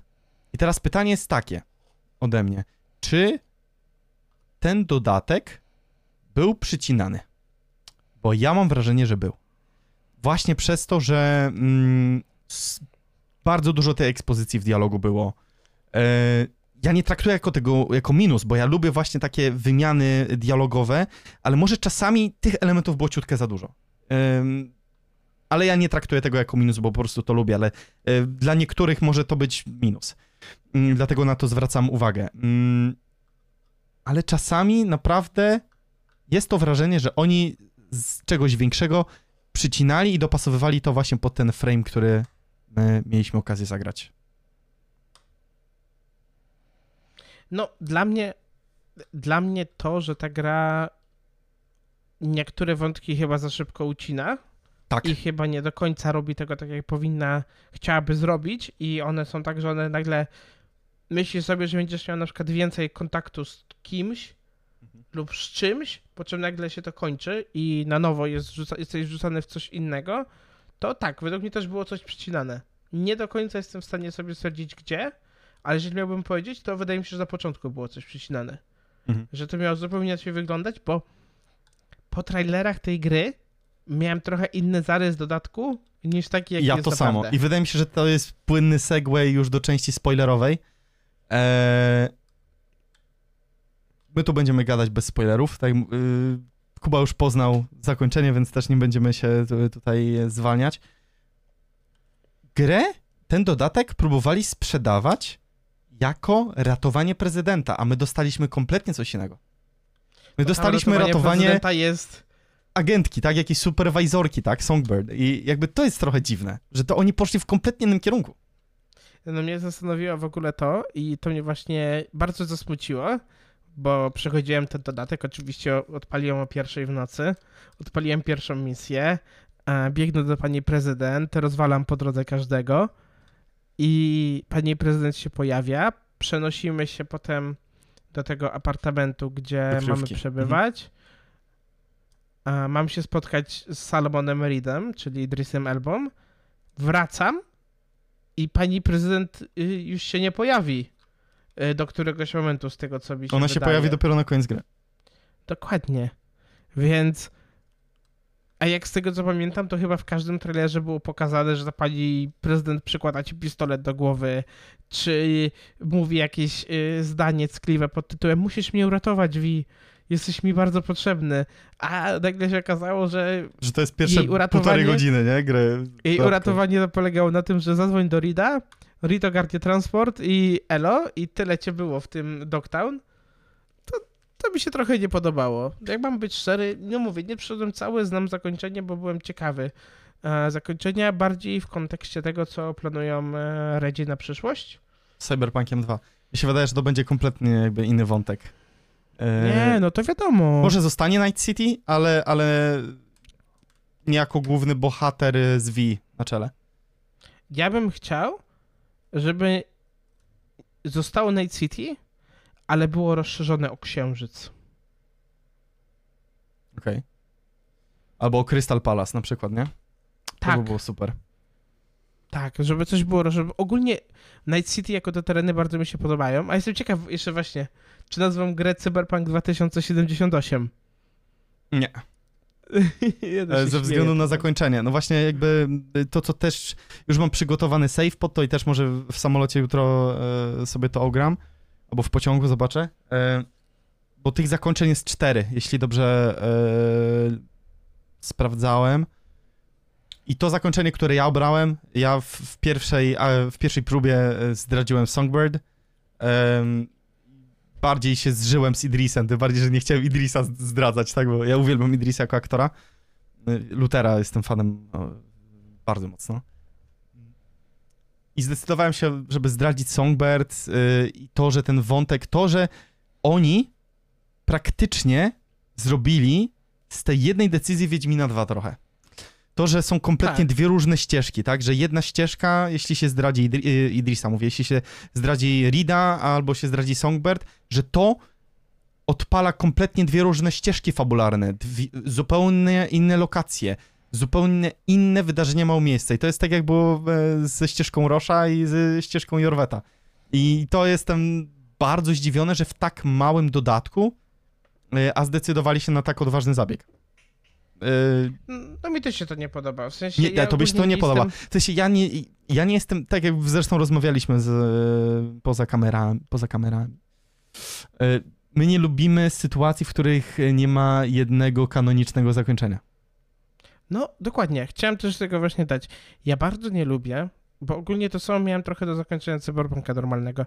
Bardzo nie lubię, kiedy gra e, na siłę daje ci wybór na końcu, bo rozumiem, że takie rzeczy jak na przykład a, czy po kogoś się wrócisz, czy kogoś zabijesz, to są takie rzeczy, które wpływają na to, co ty, porobi- czy co ty zrobiłeś. Ale wydaje mi się, że ta konkluzja powinna być zawsze jedna. Że twoje decyzje doprowadziły cię do jakiegoś rozwiązania jesteś postawiony przed faktem dokonanym, a nie, że na końcu masz jakiś wybór, że możesz wybrać z kilku rzeczy i tak naprawdę tak trochę jak w GTA 5. W GTA 5 też mi się nie podobało to zakończenie. Też nie. W sensie. Wydaje mi się, że to, że GTA 5 jest takie... jakby GTA 5 już ma 10 lat, więc nie będziemy się tu rozwijać. To, że dało się zabić Michaela, to, że dało się zabić Trevora, albo zrobić ten, te, trzecie najlepsze zakończenie, w którym wszyscy żyją i Przecież eliminują no... tego, nie pamiętam. Ja nawet, wiesz czym, że ja nie wiedziałem? Wiesz, że o tym nie wiedziałem? Ja myślałem, że ja myślałem, że wybieram pomiędzy... Tak ja też, ja, ja, ja, myślałem, że ta trzecia opcja, kiedy... To jest zabicie... Że zabicie Trevora i zabicie Michaela to są jedyne opcje dobre, a że ta trzecia to jest w ogóle jakaś najgorsza. Ja dopiero że po jakimś trzecia, ja trzecią rozegrałem. Jest, ja też. Ja myślałem, że ta trzecia to jest zabicie Franklina, wiesz? Mhm. Że na siebie bierze po prostu tą odpowiedzialność i on ginie. Okay. No, no, w GTA ja 5 źle, źle poprowadzili te zakończenia. Ale jakby to daje taki replayability trochę, ale czy to nie jest robione na siłę? Ale są... ile razy można przechodzić tą samą grę? Przepraszam, jest tyle gier, wychodzi tyle mediów, wychodzi tyle filmów, książek, seriali, wszystkiego. I ja mam grać w jedną grę dodatkowe 20 godzin, żeby poznać wszystkie zakończenia? Nie, no 20 godzin to nie. Tak, tak z no, dwie, tutaj... dwie i pół w przypadku dodatku, tak? Tak, ale tutaj już hiperpolą trochę poleciałem. Mhm. Ale kurczę, mamy, te, mamy tyle rzeczy do zrobienia. Naprawdę oni powinni co najwyżej e, zrobić tak, żebyś ty, ty robiąc jakieś decyzje, na końcu już miał ostatnią misję, która jest wypadkową twoich wszystkich wyborów, a nie tak, że ci dają wybór. Bo to chyba danie wyboru graczowi jest chyba najgorszym, czego można robić, bo to takie spychanie odpowiedzialności na nich. Mhm. Y, pogadajmy sobie o tym zakończeniu, bo mnie to zakończenie mentalnie rozbiło. Jakby pod kątem psychologicznym to było chyba najbardziej wymagające zakończenie, jakie jest w Cyberpunku, wydaje mi się. Eee... Lecimy spoilerowo, także jak ktoś nie grał, to, to proszę wyłączyć i wrócić później. Eee, to, że faktycznie udaje się spoiler, uzdrowić... Spoiler. To, że faktycznie udaje się uzdrowić V, nie? Jakby ja, tak. ja, ja się nie spodziewałem. Właśnie, właśnie, też jest inna perspektywa, czy to można nazwać uzdrowieniem nie? Bo jakim no, kosztem? Się, no on jest uzdrowiony, no, ale traci wszystkie możliwości wszczepowe. No. Mnie mentalnie naprawdę wzruszyło to, to, to zakończenie. W sensie to pokazało, yy, jak dwa lata. Dla ciebie to może być mik, nie? Ale te dwa lata tak naprawdę braku kontaktu z kimkolwiek. Yy, utraty wszystkich przyjaciół, wszystkich jakichś tam kontaktów, jakie się yy, stanowiło. No, no, Panam, Judy, River, E, Wiktor, tak? Ja w życiu bym się nie spodziewał, że Wiktor się sprzeda jakiejś korporacji. To jest w ogóle dla mnie kosmos, nie? I Militech, który kontroluje Night City całe, nie? No, to, że e, Takemura poleciał razem z Hanako, żeby odbić firmę od Yorinobu, nie? To, że Hanako ginie. Takemura jest w ogóle persona non grata i, i każdy go goni za morderstwo Hanako. Jakby to mnie dobiło, nie? Serio. A, a najbardziej, by, co mi trafiło w, w, w, tym zakończeniu dodatkowym, to, to, to jest te słowa, które ci wysłałem, czyli że y, dobre lekarstwo jest gorzkie dla ust i, i do Vi bardzo mocno to czuła, nie? I no to we mnie trafiło. Trafiło we mnie potężnie. A to, że Panam w ogóle nie chce się do nas odzywać, w ogóle nie odbiera telefonu, nie? To, że jeszcze później Mitch do ciebie dzwoni i mówi, no fuck off po prostu, nie? Na tej zasadzie. E... To było naprawdę jedno z takich mocniejszych zakończeń ostatnich lat, jakie e, ugrałem. Może obok RDR-a dwójki. Bo RDR dwójka też bardzo mocno we mnie trafiło, bo też sporo czasu... Ty przeszedłeś RDR-a dwójkę, czy nie? O, dobra, to, to nie spoileruję e, dla ciebie w takim razie. No, ale ci, co grali, no to e, te ostatnie sceny, zanim jest epilog, e, biorąc pod uwagę, ile czasu w RDR 2 się spędza z, z, głównym bohaterem, no to te wydarzenia, które tam się dzieją, naprawdę uderzają mocno w serducho. A jakie były twoje wrażenia z tego zakończenia? Ja nie mam chyba nic do dodania. Powiedziałeś w sumie wszystko. Dla mnie osobiście to, że na przykład y, jak była ta w Afterlife, co się e, tak, tak. Y... Zapomniałem. Dobra, mam mówić dalej? Rogue, Rogue, tak. Która ci mówi, że no jesteś legendą, ale... Nie pojawia się tam, nie? Bo twoja legenda zginie razem z tobą. No, no to, to musiało zaboleć. W sensie, że tak naprawdę no, nie masz czego szukać w tym Night City, nie? Bo no. jeśli będziesz chcieć zostać fikserką, to cała twoja legenda zginie tak naprawdę, nie? Więc... Tak, ty mówisz fikserką. Fikserem, fikserką. Kobietę. No ja grałem kobietą, więc ja tak się wypowiadam no. fikserką, nie? E... Więc kurde, no. Dołujące było to zakończenie, ale było fantastyczne. Pod tym kątem, ile, ile wartości emocjonalnej można było z tego wynieść.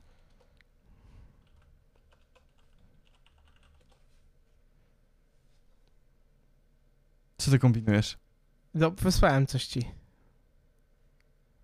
Aż musisz zobaczyć. A jeszcze temat taki, że ostatnio były dwie premiery, A. właśnie ten Cyberpunk i był i był Starfield, no i porównanie jak Dużo wizualnie... recenzentów porównywało właśnie Cyberpunka Kurde. z Starfieldem, nie? No robią, robię to różnicę, że tak powiem, nie? Robi różnicę to, że nie patrzą ci się postacie na ciebie z jakimś zoomem w oczach, bo muszę na ciebie bardzo dobrze spojrzeć. Robi różnicę to, że e, te dialogi wydają się bardziej naturalne i te postacie sobie chodzą, gestykulują, ty możesz sobie też gdzieś tam tą kamerą sam poruszać. Robi robotę to, że jednak nie jestem fanem tych proceduralnie generowanych światów. W No Man's Sky miałem dokładnie ten sam problem. E, to jest fajne dla mnie jako ciekawostka, to nie jest dla mnie Minecraft, żebym ja się miał w tym bawić, e, więc mi też jakby to nie sprawia aż tak dużo fanu, a natomiast to Night City jest tak zaprojektowane, że tam każdy, każda rzecz jest prawie przemyślana, że tak powiem. Po niektórych rzeczach da się je tam gdzieś zabugować, wiadomo, bo nie wszystko da się sprawdzić, a też kiedy, jak dobrze wiemy, jak działa wersjonowanie plików, to czasem jest tak, że ty coś poprawisz, a twój kolega to znowu zepsuje i to o tym już na przykład nie będziesz wiedział. No i też Red no Engine. No i... Efekt Red Engine dużo tutaj robi różnicy. Żałuję, że odchodzą, ale rozumiem, że odchodzą. Mi się wydaje, że to jest rozważna decyzja. W sensie w jakimś stopniu może ich ograniczyć, ale jeśli będą na tyle blisko współpracować z Epiciem, to może nie, nie, my aż tak tego nie odczujemy. Um, ale spo... oglądałem jeszcze dzisiaj recenzję od Energika. Um, wszyscy mają ten problem. I na PlayStation, i na Xboxie, i na PC. Im dłużej gra się w tą grę, tym ona gorzej działa. W sensie to, to jest dziwne, nie? Tam musi mieć miejsce jakiś taki Memory podstawowy błąd. Tak, i to, to jest... Zresztą widziałeś po mojej ja stronie, wiem. jak to wyglądało. Ja myślałem w pewnym momencie, że to jest wina nakładki z, z Steam Overlaya, bo miałem ciągiem dwie godziny, gdzie mi gry nie wywaliło. No ale później tak wywaliło i później zaś wywalało. I, i średnio wywalenia przez pierwsze 3, 3, 3 do 5 godzin e, nie miałem ani jednego crasha gry. Ani jednego i dopiero później od 5 godziny do samego końca średnio krasze występowały między 40 a 50 minutą sesji, nie? Mm.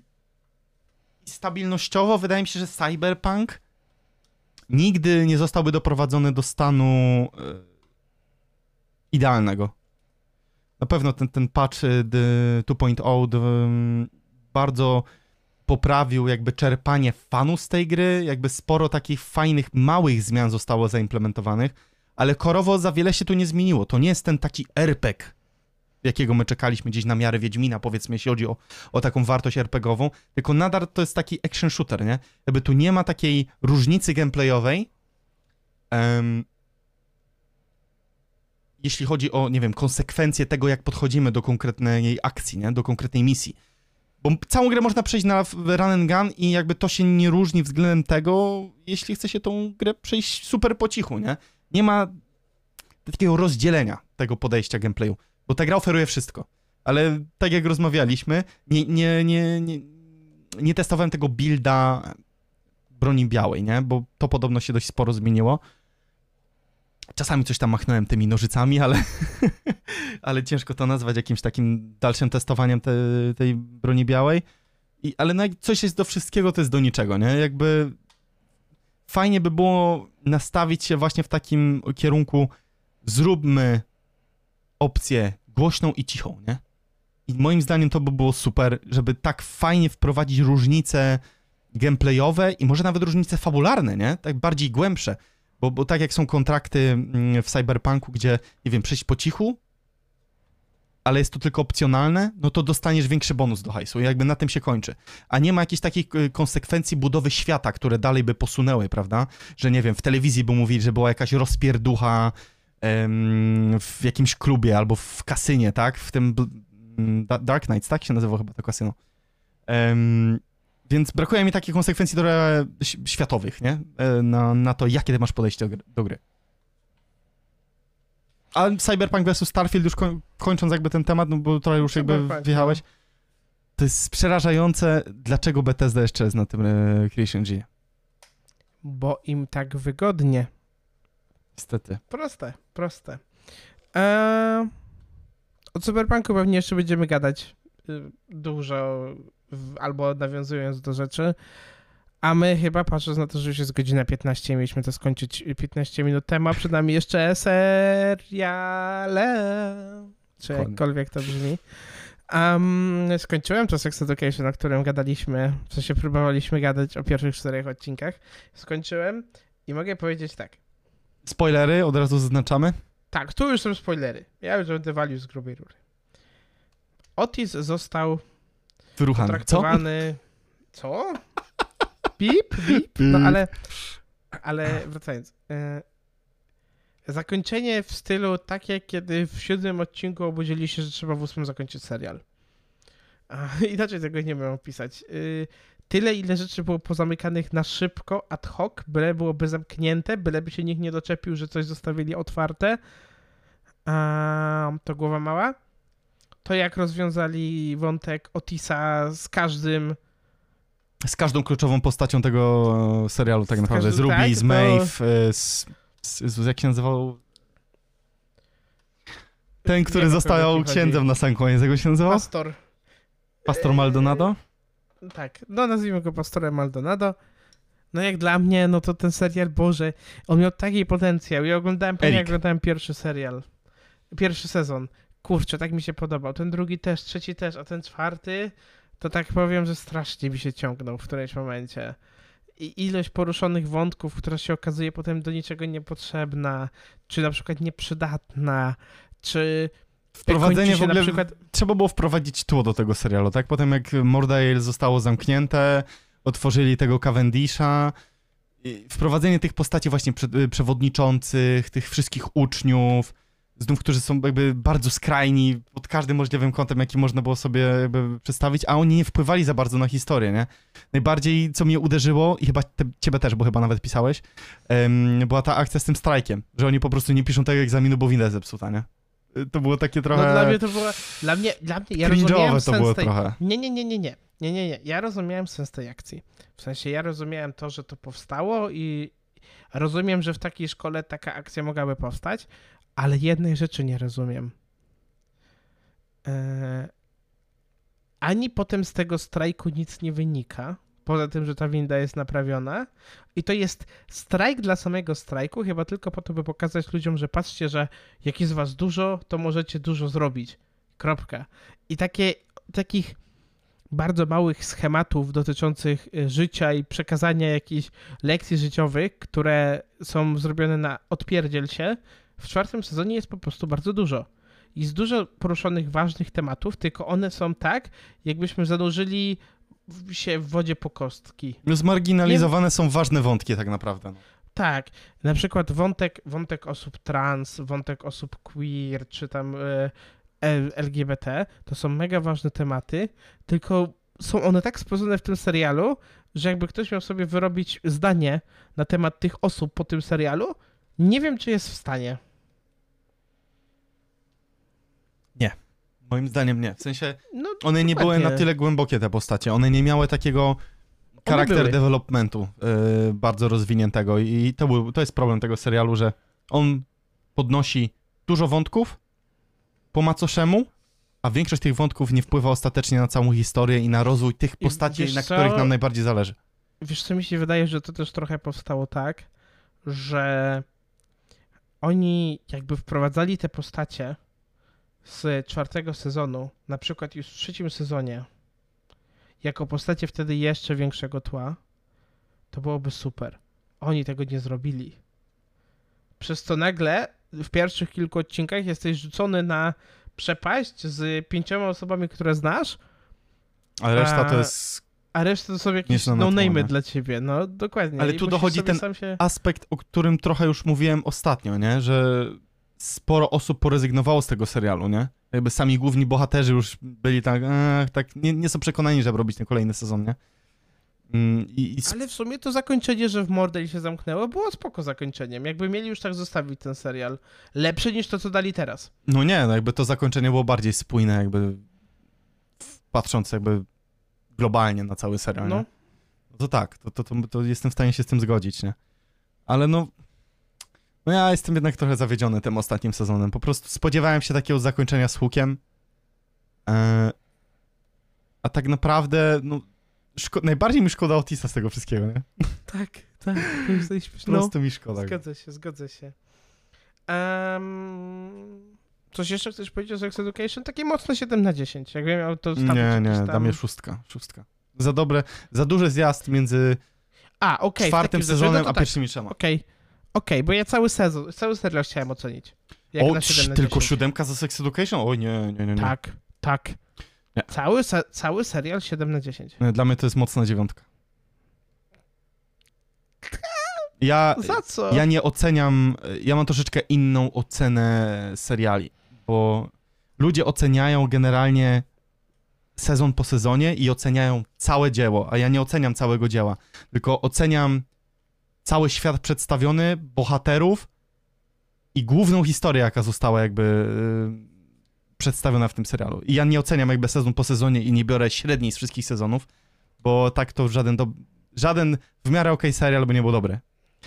Nie dałbym Ale... wtedy Better Call Saul dziesiątki, bo pierwszy sezon jest bardzo wolny, tak samo jak to było z Breaking Bad. Też Breaking Bad nie dałbym dziesiątki, jeśli wyciągnąłbym średnią, nie? Bo pierwszy sezon też nie jest dla wszystkich, bo Vince Gilligan ma tempo scenariusza tak, jaki ma. Ja wiedząc, nie, że Vince no, Gilligan ja... tak pisze, to większość ludzi nie jest tego świadomych i daje Breaking Bad, nie wiem, ósemki, bo albo na przykład jest taki Adrian, którego pozdrawiamy, który odbił się pięć razy od pierwszego sezonu Breaking Bad, nie? Ja jeszcze nie obejrzałem Breaking Bad ani Better Call Saul. Więc... No właśnie, no to koniec no, podcastu. ale, ale... Kuba zabiera się do oglądania. Nie no, ja ogólnie jestem tego zdania, że Sex Education nie jest jakimś wybitnym serialem samo w sobie.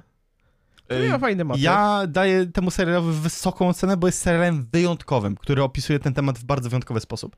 Nie, mi się najbardziej, mnie najbardziej zastanawia jedna rzecz z tego całego cholernego budowania świata. Który tam jest rok i czemu tam jeżdżą same stare auta? No. Oni grają na Nintendo 64, a jednocześnie są takie, a nie inne rzeczy się dzieją, nie? No a mają dotykowe telefony na przykład, nie? Tak. Albo te tablety, które są w ostatnim sezonie, tak. nie? No, niesamowicie mnie intryguje, jak, jakby który jest rok i co poszło nie tak, cały ten świat mnie bardziej interesuje, ale to tak jak jest The Last of Us. Ja bym bardzo chciał wiedzieć, co się stało w The Last of Us w Polsce. Jakby to na przykład wyglądało przekładając na nasze warunki. Kiedy na przykład my tą pszenicę, y, gdzie ten kordy... Z Ukrainy. Nie no, ale, ale no. nieśmieszny żart. No, no. E, ale wiesz o co chodzi, no nie? Tak, Kiedy rozumiem, Polska rozumiem. jest krajem bardziej samowystarczalnym, mniej importuje takich e, zbóż. No tak. To prawda. No, więc jestem ciekaw na przykład, jakby to się stało, nie? Czy dalibyśmy radę na przykład zamknąć granicę, nie? Albo coś, na przykład Polska jest teraz największą gospodarką świata, bo inne nie istnieją.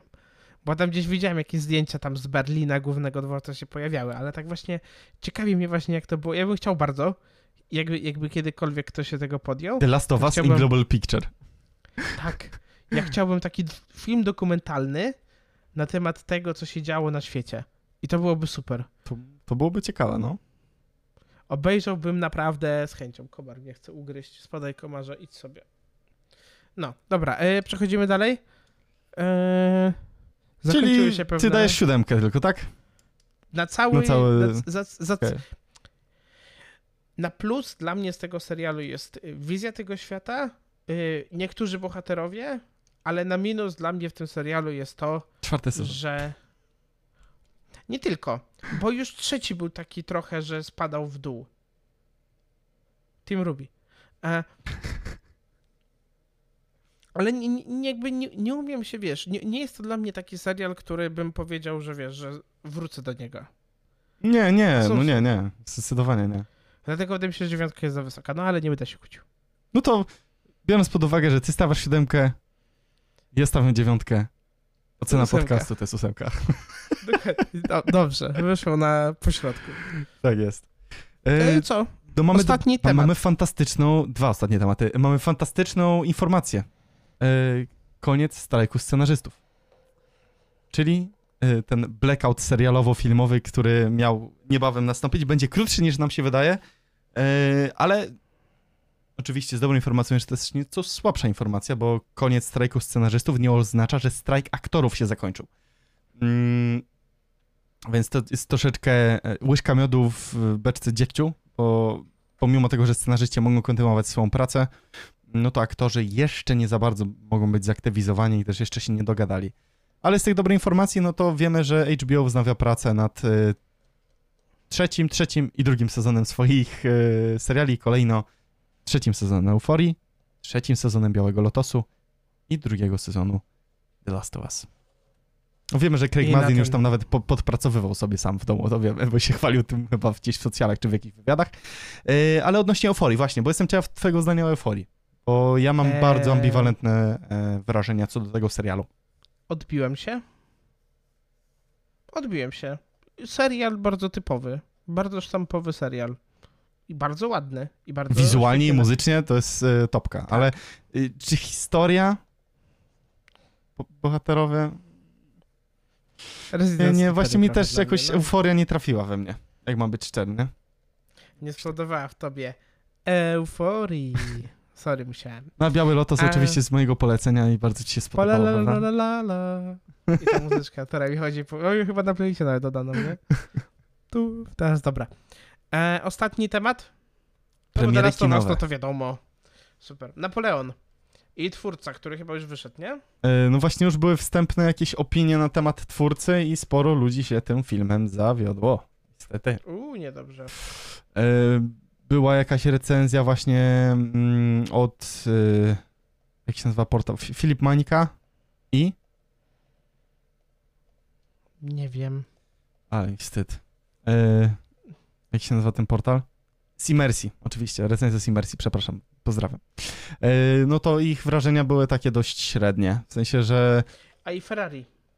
Ferrari, Michael Mann, e, dla mnie jeszcze Killer i e, David Fincher mhm. David Fincher, pan Martin Scorsese i Killer of the Flower Moon, czy Killers of the Flower Moon, jakoś tak. To są filmy, na które czekam bardzo, bardzo mocno. A na chłopów czekasz? Nie. Nie. Obejrzę. nie. nie. Obejrzę może. Zobaczę na ocenę i obejrzę. No, mnie ciekawi bardzo kreska. W sensie, jak ta kreska w tych chłopach będzie wyglądać, nie? Bo to nie jest taki normalny... Ty cały czas nie obejrzałeś Spidermana animowanego, nie? No dobrze przypomniałeś, muszę pobrać Prawda? na telefon. Tak, tak. Czekaj. Muszę odpalić Więc... Disney Plus, to nie, nie zapomnę go wtedy e, pobrać. Może byś go w końcu pobrał, nie? No, no. dziękuję. A, a szkoda, bo ja bardzo lubię, chciałem tu kiedyś tam pogadać, ale nie mogłem, bo ktoś stwierdził, że nie obejrzy jeszcze. No to wiesz, 4 godziny, to spokojnie. E, czyli Ferrari. Cyberpunka. Ferrari, Napoleon, e, twórca. Zobaczymy na jakich ocenach to się zakończy. A na Marvels czekasz? Obejrzę, ale nie czekam. Okay. Już przestałem umieć czekać na Marvela. Marvela. Y, u mnie, w sensie w momencie, w którym zakończył się ten Spider-Man, nie? To u mnie też to trochę tak e, zakończyło się, że tak powiem, pewien jakiś etap. I co, panie Kamilu, chyba byłoby na tyle. No, godzina 30 ostatnie... to jest chyba ten taki max amount of. A Gen V? Zobaczyłem wczoraj pierwszy odcinek do końca. Ale to obejrzymy, jak skończysz trzy, bo są trzy. Dobrze, dobrze. Ale no ja, ja, ja, ja, ja, tylko to y, krótko podsumuję. Matko jedyna. Nie no, pod... Jezu, jeżeli chodzi o to, to trzymają poziom The Boys. Tak, To trzymają. można powiedzieć, Y, trzymają. Dużo ludzi źle się o tym serialu wypowiada, bo po prostu brakuje im tych super postaci, które ma The Boys, nie? Ale no, dla mnie po tym półtora odcinka zobaczyłem, tak? Bo zobaczyłem cały jeden i połowę drugiego.